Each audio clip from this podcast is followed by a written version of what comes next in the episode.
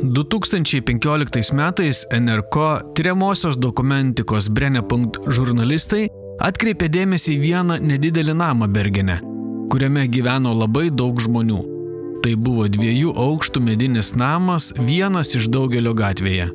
Jame gyveno moteris Elgetos su tipiniais joms sijonais ir skaromis, taip pat keletas jaunų moterų ir vyrų, kurie rengėsi prabangiai ir išsiskyrė iš kitų namo gyventojų.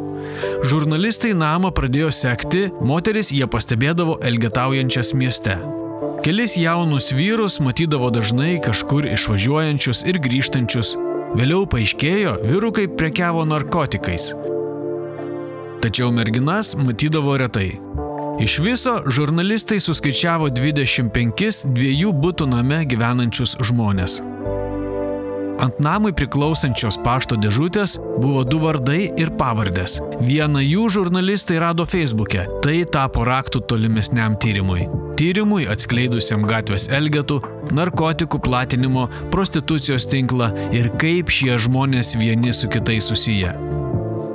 Taigi tapo akivaizdu, kad gatvės elgetos yra ne šiaip elgetos, o gerai organizuoto nusikalstamo tinklo kontroliuojami ir jam dirbantis žmonės.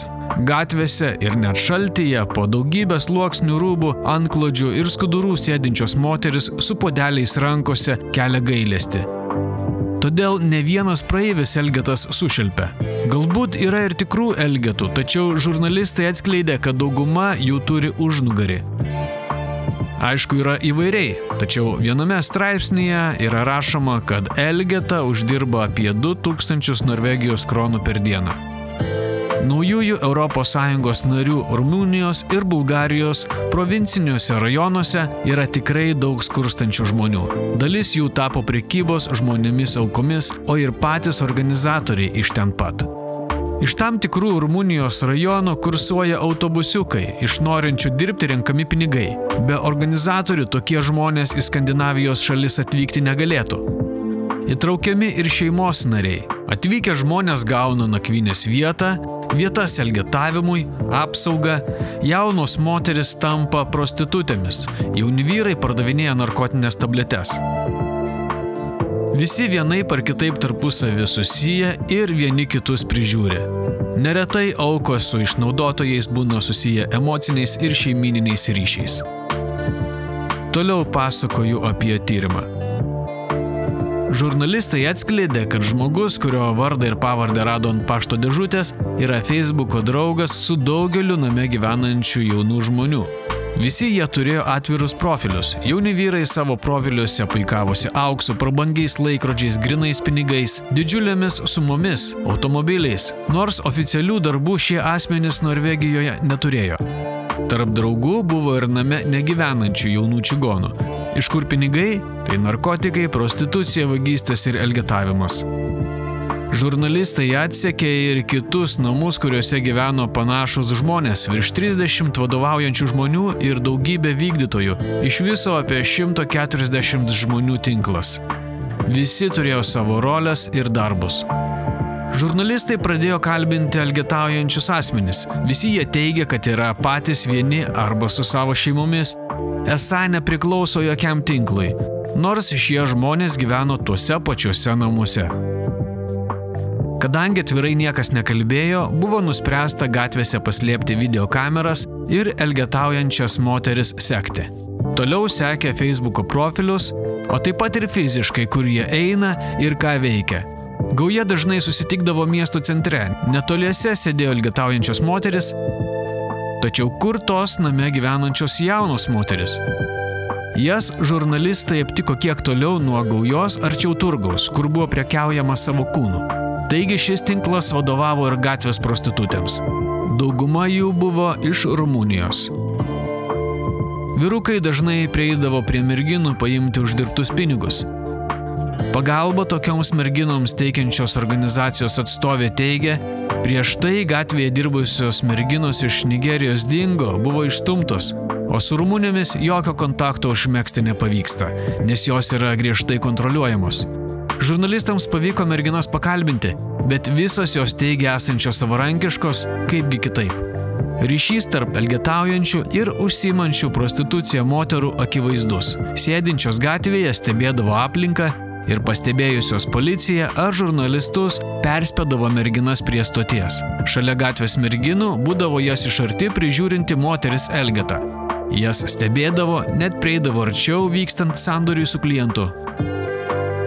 Kartais tos pačios moteris dieną sėdėdavo su Elgetos puodeliu rankoje, vakare eidavo su plokštėmis gėlių, kurias pardavinėjo, tuo tarpu pardavinėjo ir save. Be viso to, ką pasakojau, gauja užsimė ir narkotikų platinimu ir vagystėmis. Gatvėse buvo pardavinėjamos tabletės, vykdomos vagystės, merginos su klientu užėjusios į kioską įsimindavo pin kodus, vėliau pavogusios korteles eidavo grininti pinigų. Visa tai užfiksuota žurnalistų kamerų ir parodyta dokumentinėme filme Likeliant. Kiek anksčiau kitame Norvegijos mieste Stavangeryje policija susiekė panašų tinklą. Tabletės tame mieste buvo pardavinėjamos masiškai kiekvieną dieną. Schemos veikia tos pačios. Stavangerio policija šturmavo namą, kuriame gauja gyveno. Stavangeryje grupuotė buvo neutralizuota. Tačiau daugelį kitų miestų problema liko. Osle veikia kelios grupuotės, kurių veiklos schemos tos pačios.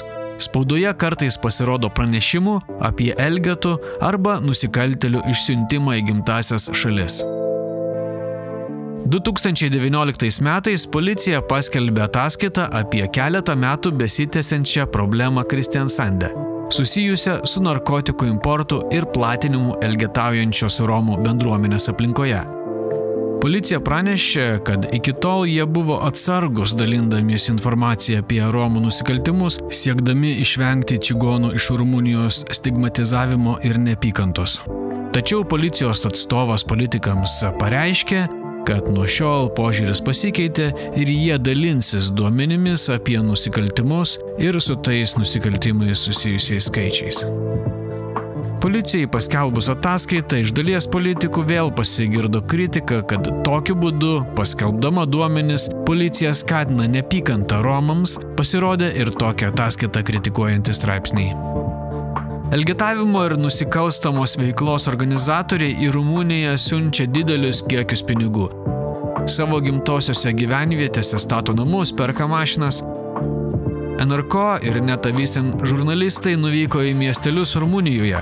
Žurnalistai rado namus pastatytus už nešvarius Norvegijoje įsigytus pinigus, identifikavo kieno tie namai. Visa tai pasirodė Norvegijos spaudoje. O dabar šiek tiek istorijos. Elgetavimas Norvegijoje, kaip ir kitose šalise, egzistavo nuo senų laikų. Tai buvo vietiniai elgetaujantis nuskurdę žmonės. Elgetavimas šioje šalyje buvo uždraustas 1907 metais. Draudimas buvo panaikintas ir leista elgetauti, nepriekabiaujant prie praeivių tik 2006 metais. Kaip minėjau, elgetaujančių Romos tautybių žmonių skaičius Skandinavijos miestų gatvėse išaugo nuo 2007 Rumunijai ir Bulgarijai tapus ES narėmis. Baigiant, būtinai reikia pasakyti, kad ne visi žmonės iš Rumunijos Skandinavijoje yra nusikaltėliai. Daugybė darbščių rumūnų atvyko į turtingesnę šalį sąžiningai dirbti. Tačiau tai esmės nekeičia. Statistika ir skaičiai patvirtina, kad šiuo metu elgetavimas Skandinavijoje yra glaudžiai susijęs su prekyba žmonėmis, narkotikais, prostitucija ir vagystėmis. Todėl Norvegijos policija patarė žmonėms neaukoti pinigų elgetoms. Tuo šiems žmonėms nepadėsime, o tiesiog paremsime nusikaltelius.